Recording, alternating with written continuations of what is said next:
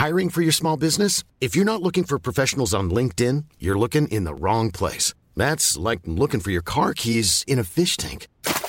LinkedIn helps you hire professionals you can't find anywhere else, even those who aren't actively searching for a new job but might be open to the perfect role. In a given month, over 70% of LinkedIn users don't even visit other leading job sites. So start looking in the right place. With LinkedIn, you can hire professionals like a professional. Post your free job on linkedin.com slash people today. Hey, it's Ryan Reynolds, and I'm here with Keith, co-star of my upcoming film, If, only in theaters May 17th. Do you want to tell people the big news? All right, I'll do it. Sign up now and you'll get unlimited for $15 a month in six months of Paramount Plus Essential Plan on us. Mintmobile.com slash switch. Upfront payment of $45 equivalent to $15 per month. Unlimited over 40 gigabytes per month. Face lower speeds. Videos at 480p. Active Mint customers by 531.24 get six months of Paramount Plus Essential Plan. Auto renews after six months. Offer ends May 31st, 2024. Separate Paramount Plus registration required. Terms and conditions apply if rated PG.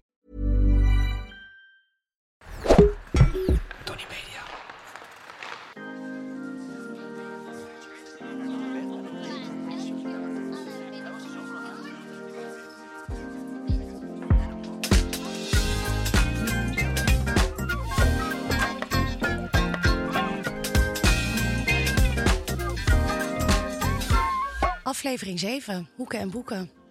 We zijn er weer Over de helft. van het seizoen, ja. Ja, We vullen elkaar zo aan, die zinnen. ja lekker hè. We komen er helemaal in.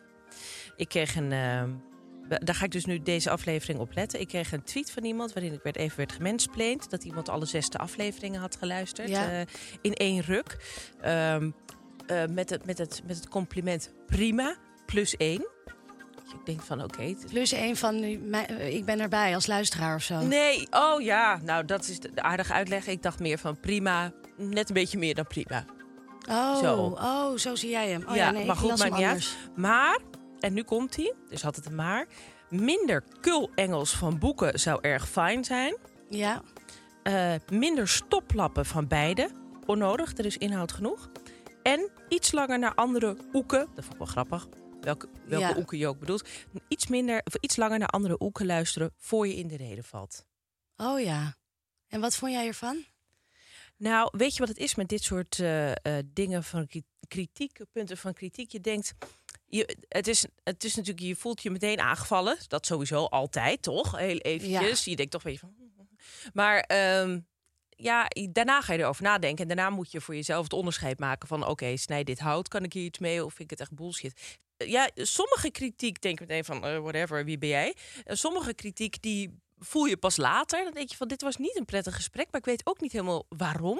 En dan ga je er later over denken. En dan moet je dus voor jezelf die schakeling kunnen maken van: wat, kan ik, wat is hiervan misschien waar? Ja.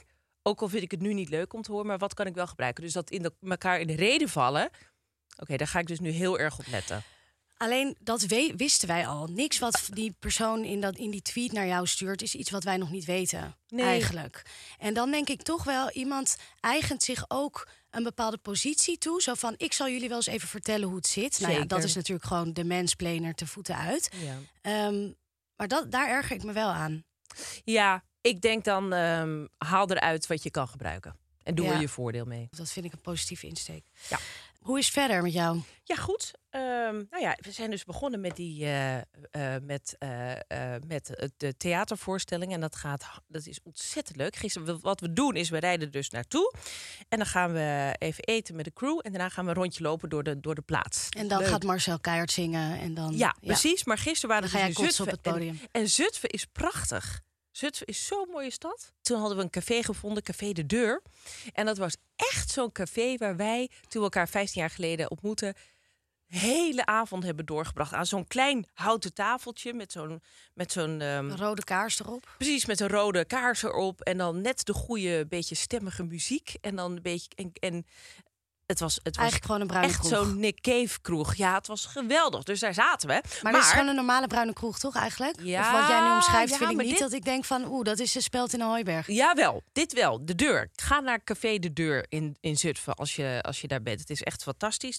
We, we zaten daar zo lekker, maar we moeten dan nog een podium op. Dus we hadden heel snel even een biertje eh, besteld en naar, eh, naar achter gegooid.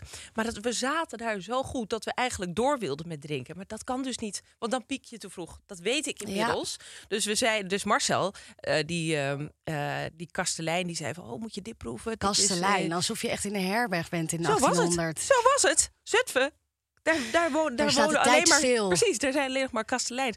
En die, eh, ehm, en die zei: Moet je dit proeven? Dit is 8,8 procent. Dus ik zei: Marcel, als je dit doet, dan dit ga je zo bezuren straks. Dus we hebben het niet gedaan. We hebben uiteindelijk nog één biertje besteld en die gedeeld. Fluitje of vaasje dan? Fluitje. Ja, slim. Maar de klap kwam hoor, want daarna gingen we dus terug naar het theater. En dan moet je nog een half uur wachten. En toen kapseisten we bijna. Maar toen is het toch weer gelukt om ons eh, te herpakken. Oké, jij? nou, ik ben ehm, eh, eh, druk met de voorbereidingen voor mijn boek. Eh, dat is tot nu toe eigenlijk alleen maar een Word-bestand geweest op mijn computer, op mijn laptop. En dat is in één keer krijg ik covervoorstellen. En moet ik daar allemaal iets van vinden en kleuren en fonts en de hele, de hele flikkers. Waar gaat je boek over? Het gaat over de betekenis van werk voor de jongere generatie. En het, is een, het wordt een bundel. Dus het zijn kortere verhalen, sommige autobiografisch, andere van mensen om me heen. Ehm, en het gaat eigenlijk over hoe we als generatie ons leven vormgeven aan de hand van ons werk en andersom. Bijvoorbeeld, ik heb een keer een date gehad met een jongen en die vertelde, terwijl we bij een pizzeria in de Jordaan zaten, dat hij zijn e-mails inplande. Dus die schreef hij om bijvoorbeeld vier uur 's middags, maar die gingen er dan pas om tien uur 's avonds uit, zodat het leek alsof hij tot later aan het werk was. En nou, ik zat daar in, in dat restaurant en ik dacht, ja, kan ik iets hebben met iemand die dat doet? En wat zegt dat over jou? En is dat het topje van de ijsberg? Heeft, doe je dat alleen in je werk of is dat eigenlijk, eh, doe je dat v- ook nog op allerlei andere domeinen in je leven? Zo'n gecalculeerde jongen. Ja, Ja. Oh, en, en dus eigenlijk ook een jokkebroek. Ja, en de vraag is ook of het niet eh, dat soort acties zich niet tegen je keren. Want je kan ook denken, Nou, wat een bij gek. mij wel. Want als hij dat. eh, Ik denk ook van op een date probeer je ook jezelf eh, van je beste kant te laten zien. En hij vertelde En dit is wat je even. brengt? En toen dacht ik ook van, hè, wat, wat bijzonder. Ja, maar ook voor de mensen, wat hij doet het met het gedachte dat mensen dan kunnen denken, zo, deze jongen die, eh, Ja, die, die, gaat die werkt hard, die gaat ervoor inderdaad. Maar je kan ook denken, als ik heb namelijk andersom. Soms dan herinner ik me pas om tien uur s'avonds, oh shit, ik moest nog even iemand mailen, maar ik ga het nu niet doen, want ik kom over als een idioot. Ja, dat hebben veel creatieven. Dat ze s'nachts mailen en dat het er dan pas de volgende ochtend uitgaat. Ja, maar omdat ik ook denk, als ik dit nu mail om tien uur s'avonds, dat daar, daar zit, een, er zit zo'n verkramping in. Dus Oh, ik ben uur? juist, Ja. nou ja, Tien uur vind ik nog wel schappelijk hoor. Er zijn wel veel mensen die gewoon nog s'avonds werken als hun kinderen op bed Nou, liggen. Maar drie ook- uur s'nachts, dat is weer, Nee, weer een dat ander kan level. echt niet. Ja, want dan ben je zelf de idioot. Dan ben je Ja. zelf een freak. Wat ben je aan het doen? Eh, ga slapen. Ja. Waar ik ook achter ben gekomen, want ik ga even gelijk door naar mijn taalanekdote. Ja. Ik zat, wij hadden het natuurlijk over accenten. Volgens mij één aflevering geleden of twee afleveringen geleden. En toen zei ik ook van ja, volgens mij ehm, eh, gebruik je ook het accent van een ander als je, ehm, als je iemand op zijn gemak wil stellen. En ik zat nu in een restaurant. En ik ging daar eten met vrienden. En daar haakten nog wat vrienden van vrienden aan. Die ik niet zo goed kende. Eentje had ik zelfs nog nooit gezien. Maar waar ik wel al heel vaak dingen over had gehoord. En hij ook over mij. Dus het was, eh, het was op zich natuurlijk dat we daar met dat groepje gingen eten. Maar ik kwam daar aan en hij zat daar al. En ehm, nou, ga je elkaar dan een hand geven? Ja, dat voelde dan te koud, vond ik. Want het was wel een soort van. eh ja, Ja, we sociaal. kenden elkaar toch al een beetje. soort van. Ja. Dus toen we elkaar gedag gingen zeggen, zei ik, kom hier. Met een soort van stemmetje. Om een beetje zo het ijs, te breken. En ehm, vervolgens later, ik had dit allemaal trouwens ook niet door. Want later op de avond kwam er nog iemand langs, alleen voor een drankje. Toen zei ik ook, kom hier. En een vriendin van mij die daar aan die tafel zat, die, daar fietste ik mee naar huis. En die zei toen, ja, heb jij door dat als jij mensen een knuffel geeft... dat je dan zegt, kom hier, met dat gekke stemmetje van je. Toen ging ik denken, en toen dacht ik, doe ik dat, doe ik dat? Ja, dat doe ik. En toen ben ik daar eens over na gaan denken. En ik denk dat het is dat ik dan mezelf eh, ongevaarlijk, als ongevaarlijk wil presenteren. Zo van, ach, eh, het, het ijs breken, je komt hier in mijn armen... en dan eh, is vanaf dan is de situatie gewoon goed...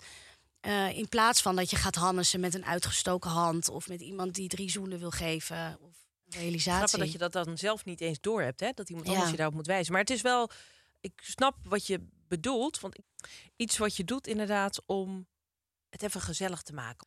Is dat je dan zegt van, hé, gezellig, hé, gezellig. Dat je Ja. eventjes een, hé, Ja.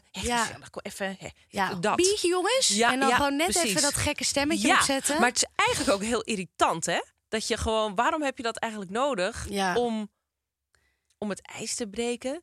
Maar ik ga er denk ik wel mee door met die kom hier op die manier. Want ik zie ook wel dat het werkt. Dat mensen zich. Ehm, dat ze het prettig vinden, want ze hoeven zich alleen maar in mijn armen te storten en het is allemaal oké. Ja, maar wat zou je verliezen als je alleen maar zegt: kom hier? Dan ben je een soort Jezus. Ja, maar dat precies. Ja, dan wordt het inderdaad heel spiritueel. En dat is niet, uh, dat is niet de kant waar ik graag wil zitten. Nee. Um, jij nog wat meegemaakt in de taal? Ja, uh, we hebben allemaal het nieuws gelezen over de loonkloof. En dat die ja. verder is gestegen. Uh, in de laatste twee jaar van 5% naar 7,4%. Nou ja, ja. Neem aan dat we daar wel over eens zijn wat we daarvan vinden. Maar er zat me uh, iets anders dwars. En dat dacht ik pas een paar uur later aan. Ik dacht, waarom wordt dit eigenlijk loonkloof genoemd? Want de ongelijke beloning van mannen en vrouwen is uh, bij wet verboden sinds 1975. Mm -hmm. Dat is gewoon vastgelegd. Dat mag niet. Dat is discriminatie. Maar we noemen het loonkloof, waarmee we uh, een kloof suggereert bijna een ja, een soort handelen dat buiten ons omgaat, alsof het een natuurverschijnsel is. Ja. Terwijl ja, dit iets is wat je gewoon ziet gebeuren, waar je niks aan kan veranderen of ja, zo. Dus, ja, dus inderdaad, een natuurverschijnsel waar je helemaal geen invloed op hebt. Terwijl dit mag gewoon niet. En het is heel vreemd om het dan uh, om jezelf. Taal doet ertoe, ook met dit soort dingen. Het is vreemd om jezelf daarbij te plaatsen. Eigenlijk is het gewoon crimineel. Precies, natuurlijk. want het is gewoon discriminatie. Het maakt me niet uit wat, wat voor, uh, wat voor uh, naam je eraan geeft. Maar dat loonkloof, dat klopt niet, of dat, dat volstaat in ieder geval niet. Um, en iets anders wat me opviel, is dat in heel veel artikelen die erover verschenen, of discussies die erover werden gevoerd, meteen het argument weer naar voren kwam van ja, maar mannen kunnen helemaal beter onderhandelen. En dan denk ik, ja, Ja, maar daar gaat het ook al dus fout. Ja. mannen, ma- dus met andere woorden, vrouwen moeten beter leren onderhandelen. Nee, werknemers moeten leren gelijk te belonen. En Dat is ook al een manier om je- eh, waarop je dit debat bijna vervuilt. Door de schuld gewoon bij de vrouw neer te leggen. Dus heel veel van die discriminatie, want dat is het. Het is gewoon discriminatie. Het is Ja. niet een kloof, het is niet een schuld van de vrouw, het is discriminatie. Het is altijd een keuze. Het is een maatschappelijk handelen. Mhm. Dus een kloof is misschien inderdaad te natuurlijk. Ja, moeten we er een ander woord voor hebben? Maar zouden we daar nu een, een iets voor kunnen munten? Nou ja, als je denkt eh, loon, looncriminaliteit, dan denk je waarschijnlijk aan iets anders. Ja, dan denk je aan dat- Loonschending Ja, dat vind ik een hele goeie. Dat daar ook schending, dat is van iets wat... een recht. Ja, inderdaad, want schending van privacy bijvoorbeeld... eh, van, het legt wel gewicht in de schaal, vind ik, schending. Ja, en dan moet je dus als publiek er zelf bij bedenken wie die schending wordt aangedaan. Ja, maar dat is natuurlijk nu ook zo bij de loonkloof. Ja, Want klopt. daar wordt ook niet... Nee, eh, gespecificeerd wie er aan de verkeerde eind maar goed, wie er in de kloof weten we zit en wie er- wel. Ja, precies.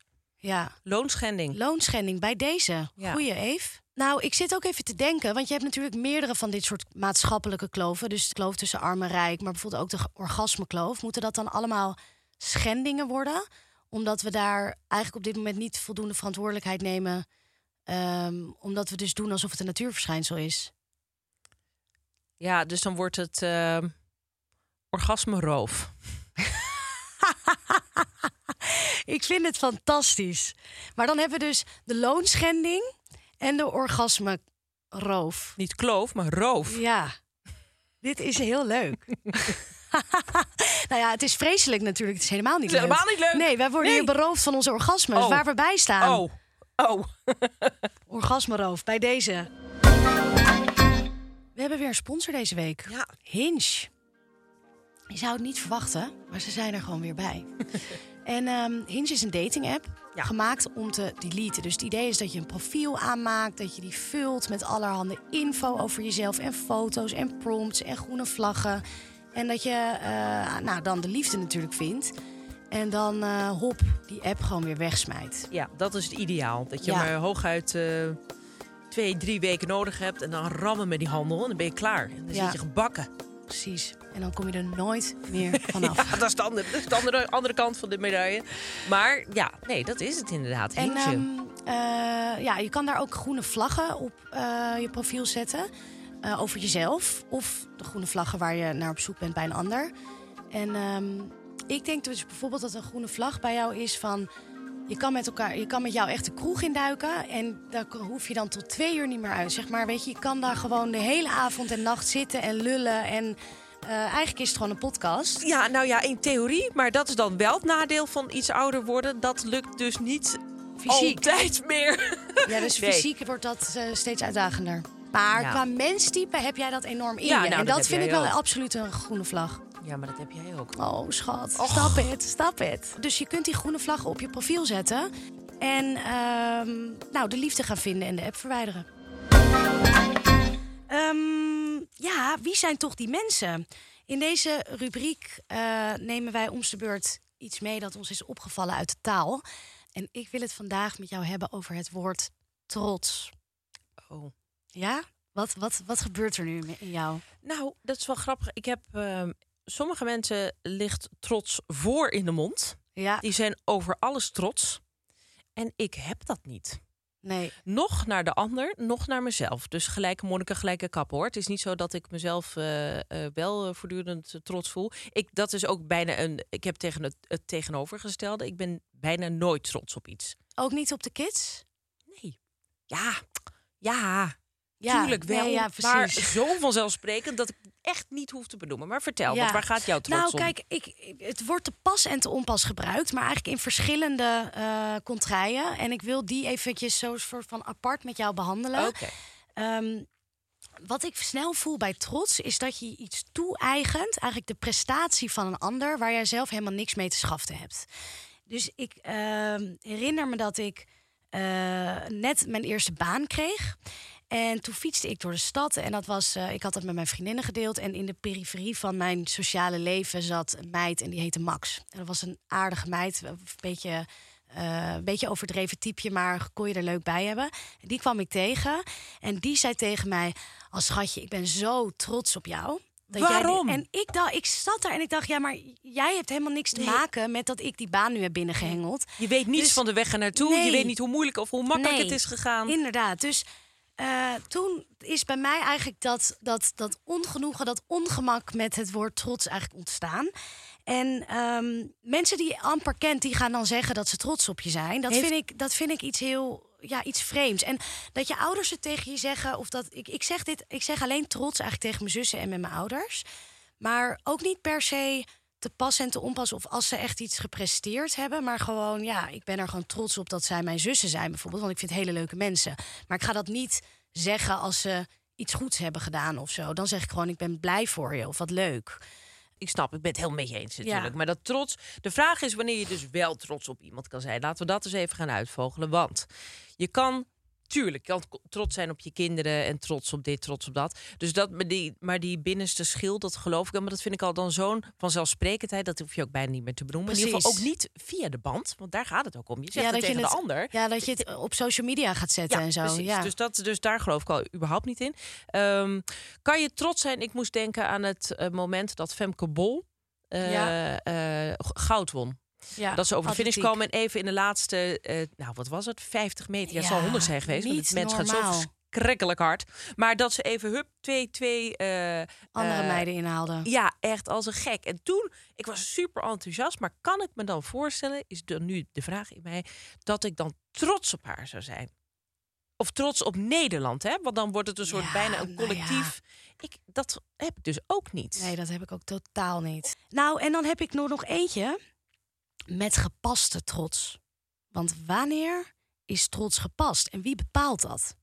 Ik heb en is er even... ook zoiets als ongepaste nou, trots? Nou, dan kom ik erop. Want eigenlijk, als jij gepaste trots zegt, dan is het, vind ik dat het dan heel snel neigt naar ongepaste trots. ik zag, want ik heb dit even ingetikt op Google, gewoon of in, uh, in LinkedIn, de, in, de, in de zoekbalk met gepaste trots. Nou, dan krijg je me oh. toch een resultaten. En dan lees ik er even eentje voor. Met gepaste trots mag ik zeggen. Nou, dan komen we weer op dat mag ik zeggen. Wat natuurlijk ook die professionele uh, idiotie is. Met gepaste trots mag ik zeggen dat ik per 1 december ga beginnen als Outstation Support Manager Noord-Amerika voor Air France KLM. En dan denk ik, met gepaste trots. Ja, wie bepaalt of trots gepast is? Jij toch zeker zelf niet? ja, dat is de vraag inderdaad. Nou, dat kan, dan kan iedereen het erbij zeggen. En dan, en dat gebeurt ook, en dan is het dus eigenlijk ongepast. Ja. Nou, het is weer een humble rag. Daar komen we steeds weer op uit. Ja, omdat je, zegt, je zegt eigenlijk, ja, fucking blij met iets. Maar dat ga ik niet zeggen. Dus ik, ik hou me klein. Ik hou me nederig. Ik zeg met gepaste trots. Ik ben niet super blij, maar eigenlijk wel. Dat is wat je eigenlijk zegt. Ja, ik, eigenlijk, eigenlijk, eigenlijk. Ja, nee, maar daar klopte die eigenlijk. Wanneer ben je dan voor het laatst trots geweest? Echt trots? Uh, nou, mijn zus, ik, wel, ik had dat overdadige huwelijk in Italië. En mijn zus heeft uh, dat stel getrouwd. En die had daar een heel mooi praatje bij. En ik weet hoeveel tijd ze daarin heeft besteed. En uh, ik zat daar uh, naar haar te kijken en ik vond dat ze het supergoed deed. Toen heb ik wel daarna gezegd van ik ben zo blij voor je dat het zo goed ging. En ik voel me ook trots. En dat voelde je ook echt? Ja. En wat is dan het verschil tussen super blij nee, dat, en trots? Dat is eigenlijk een beetje dan een beetje hetzelfde. Maar dat zou ik. Ja, wat is het verschil? Nou, trots is omdat ze mijn familie is. Ja. Voel ik, voelt het alsof het ook op mij afstraalt op een bepaalde manier. En daar voel ik me blij door. Maar, nou, en ik kan me voorstellen, want jij vroeg net, wanneer ben je trots op je kinderen? Tuurlijk, zeker. Maar ik denk dat je wel een vorm van trots kan voelen als ze straks groter worden. En het lukt ze om een leuk mens te worden. Mhm. En het lukt ze bijvoorbeeld om iets te bereiken. Dus een diploma of een, uh, of een eigen zaak of weet ik veel wat. Als je zoiets. Want dan zie je, maar die trots komt dan voort omdat jij weet hoeveel jaren van uh, hoeveel moeite erin hoeveel is moeite erin is. Ja, Uh, dat, daar zit van alles in verdisconteerd in die trots. De slapeloze nachten, het doorzetten, het proberen het met elkaar goed te hebben. De, eh, de vrolijkheid, de, de zware jaren, de, de slaap... Nou ja, hè? Dus dat zit er allemaal in. En als dan iets lukt, dan doet iemand anders het. Maar dat inderdaad, het zegt ook iets over jezelf. Ik herinner me wel dat mijn ouders, mijn vader zei dan wel eens als ik had gehockeyd uh, en niet had gewonnen. Dat hij zei, ik ben trots op je, je hebt er je best gedaan. Ja. En eigenlijk is dat een hele prettige manier om te horen dat iemand trots op jou is. Want de, de performance doet er eigenlijk niet zoveel toe. Nee, als je er maar alles in de kers op de taart. Als, je er, ja, als je er maar wat in hebt gestopt. Wat, ja. wat er, als je Overigens is dat dan ook weer met een U-bocht een compliment aan jezelf geven. Want het is jou dus gelukt als ouder om jouw kind uh, doorzettingsvermogen bij te brengen. Ja. En het, dus op de een of andere manier slaat met trots. Ja, het slaat terug op jezelf. En dat is prima, want het is hard werken. En je, en je moet er veel verlaten, je moet er veel voor opofferen. opofferen en het, het ouderschap is bedoel je? Ja, zeker. En het is fantastisch als het dan lukt. En als je dan, en als je dan ziet dat het resultaat heeft gehad, dan denk je ja, het ligt natuurlijk Heb ik toch ook, maar mooi gedaan. Ja, dat, dat heeft ze van mij. Dat denk je er natuurlijk achteraan. Dat heeft ze van mij. Um, we gaan door naar de quiz. Ja. Oh, bij wie hoort trots? Oh, ja, jeetje, weer toch ja. allebei niet. Oeh, maar... Want ik zeg het eigenlijk dus bijna nooit. Ik ook niet. Nee, echt niet. En ook niet over mezelf. Ik ben zelden ergens trots op. Dat betekent niet Omdat dat ik ontevreden je altijd daarna weer... Nee, het is niet ik eens... ben wel snel ontevreden. Ja, ik ben ook snel ontevreden. Ja. ik ben ook snel ontevreden. Maar het is ook zo dat ik niet voel... Uh, dat, dat hele trotsgen heb ik dus niet. Het zal ook mijn opvoeding zijn. Is toch dat Zaanse? Ja, dat denk ik echt. Ik ben ook nooit. Uh, uh... Die nuchterheid. Want trots is soms ook een beetje. staat soms een beetje tegenover nuchterheid. Ja. Ik vind het heel moeilijk. Het is een padstelling waar wij nu in zijn terechtgekomen. Kijk, ik vind wel dat als ik kijk naar de logica waarmee ik een aantal heb geclaimd, dan kan ik ook zeggen: ja, maar jij hebt kinderen, dus jij voelt je vaker trots misschien. Ja, klopt. Dus gisteren de, de, de voorstelling die we hebben gedaan, nou, dat ging goed en er ging ook veel fout. En dat is ook onderdeel van de charme, denk ik. Dat het ook, uh, ja, ik bedoel, we zeggen geen acteurs. We vertellen gewoon verhalen en die, die hotse botsen af en toe. Uh, maar ik ben dan wel trots. Dus ik ben niet zozeer trots op het product dat we neerzetten. Ik ben trots op dat we het... Dat we het gewoon maar doen. Ja. Ja. Huppakee. Gewoon uh, dat we het leven gewoon lekker aanvallen. Nou, maar voor die trots die zit bij jou in de tas. Ik zie hem daar zitten. Ja. ja. We gaan door naar de quiz. Hiring for your small business? If you're not looking for professionals on LinkedIn, you're looking in the wrong place. That's like looking for your car keys in a fish tank.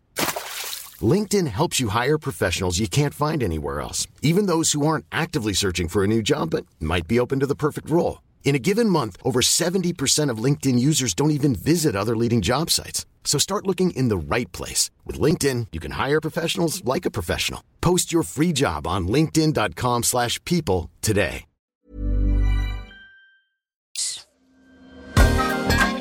We krijgen weer een quote van een BN'er en We hebben vorige keer natuurlijk gezegd... we moeten wat meer vertrouwen op de onderbuik. We moeten niet te ver doordenken. We zijn nu een populistische podcast, dus Ja. we gaan af op de onderbuik. Juist. Welkom bij Wat je zegt bij jezelf. De quote van deze week is: Het is smal bij de brede schouders. Is het antwoord A. Jort Kelder, B. Cecile Narings, C. Erika Meiland of antwoord D. Eloïse van Oranje? Jort Kelder. Gut feeling. Het is, nee, het is smal bij de Oh, brede ja. schouders. Ja. Voor mij refereert dit naar eh, de grote beurs heeft het een beetje krap. Oh nee, het is niet, gaat, dit gaat niet over geld. Wat gaat het over mode? Ik denk namelijk, Nee, dat- brede schouders dragen de zwaar, dus nee, dat is sterkste schouders eh, dragen de zwaarste lasten. Het is smal bij de brede schouders. Ja, dit gaat, dit gaat over dat de mensen die het meest kunnen dragen. Ja, dat bedoel ik. Ja, maar niet alleen financieel. Ja, oké. Sterkste Dus dit- schouders dragen de zwaarste lasten. Ja, maar oh, dit gaat ook over dat er heel weinig mensen zijn die dat ook allemaal kunnen. Dus het, het gaat bijvoorbeeld over Matthijs van Nieuwkerk. Die, eh, het, is, het is lonely at the top. Dat lees ik erin, bij wijze van spreken. Even kijken, wie was de laatste? Oh, Eloïse. Eloïse van die zou dat nooit zeggen. Want je kan dat als koningin of als gravin, wat is, ze, kan, kan je dat natuurlijk niet gaan zeggen. Zo van, ja, we ik zijn denk, zij met- is daar ook niet mee bezig. zij is daar ook niet mee bezig, heeft geen idee. Nou, dat weet ik ja, niet. dat wel. Maar nee, ja, zij, nee, nee, zij zegt dat niet. Want zij Nee. snapt heel goed dat dit een soort... Wat je namelijk zegt is... eh, er is een heel klein groepje van hele slimme mensen... die veel hebben bereikt. En eh, dat is een- klein de elite groepje. is maar klein De eigenlijk. elite is maar klein. En dat gaat zij natuurlijk niet zeggen.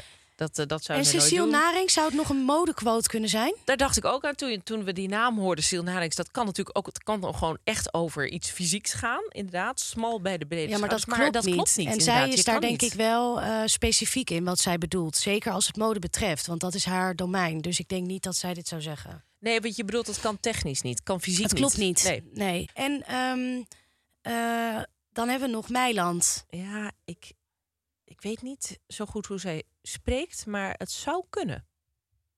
Omdat... Ja, omdat, het niet, omdat het eigenlijk niet helemaal klopt. Het is smal bij de brede schouders, maar Nee, maar dat bedoelt ze dus. Dat bedoelt diegene figuurlijk. Het is überhaupt niet letterlijk. Het is, dat weet eh, je echt 100% zeker. Ja, want dat kan niet. Het is smal bij de brede schouders. Dat kan niet. Je kan Nee, niet klopt, zeggen, maar het we is hebben zwart wel waar het dingen gehoord die niet klopten natuurlijk. En dan hadden we het Oh, alsnog manier. fout. Ja, je bedoelt dat het een verspreking is? Ja, Ah, maar... ehm, nee, want het makes sense. Het, je snapt waarom het, het, eh, het snijdt hout. Het is namelijk, het is ook smal bij de brede schouders. Het is maar een klein topje dat, het klein, klein groepje dat de top bereikt. Of dat veel geld heeft. Ja. Of dat veel mogelijkheden heeft. Ja, of... de elite is per definitie klein. Anders is het ook geen elite, want dan zou het een massa wel zijn. Precies, precies. Ehm, en, vanuit, dat, ik- vanuit dat perspectief zeg jij, dit is Jort Kelder. Want die heeft eh, de tegenwoordigheid van geest om op die manier eh, een zin te vormen. Ja, die kan mooi formuleren. Die snapt wat het, eh, wat het eh, nodig heeft. Of wat er gebeurt aan de top. Die heeft daar natuurlijk heeft, ze zijn hele imperium opgebouwd om dit te bestuderen, dit fenomeen. Vertel het maar. Het juiste antwoord is Jort Kelder. Jort Kelder deed deze uitspraak tijdens een uitzending van Op 1. yes! yes! Hey, ik zei het! Ik zei het! Maar ik zei vooral, ik zei meteen Jort Kelder. Ja, nee, klopt. Maar fantastisch, we hebben een punt. We lopen in, 5-2. Dat geeft de burger moed. Op naar aflevering 8. Ja, en ehm, volg ons op de socials. Instagram, TikTok, Hoekboeken. Abonneer je, geef sterren en dan zijn wij er volgende week weer. Zeker. Joep.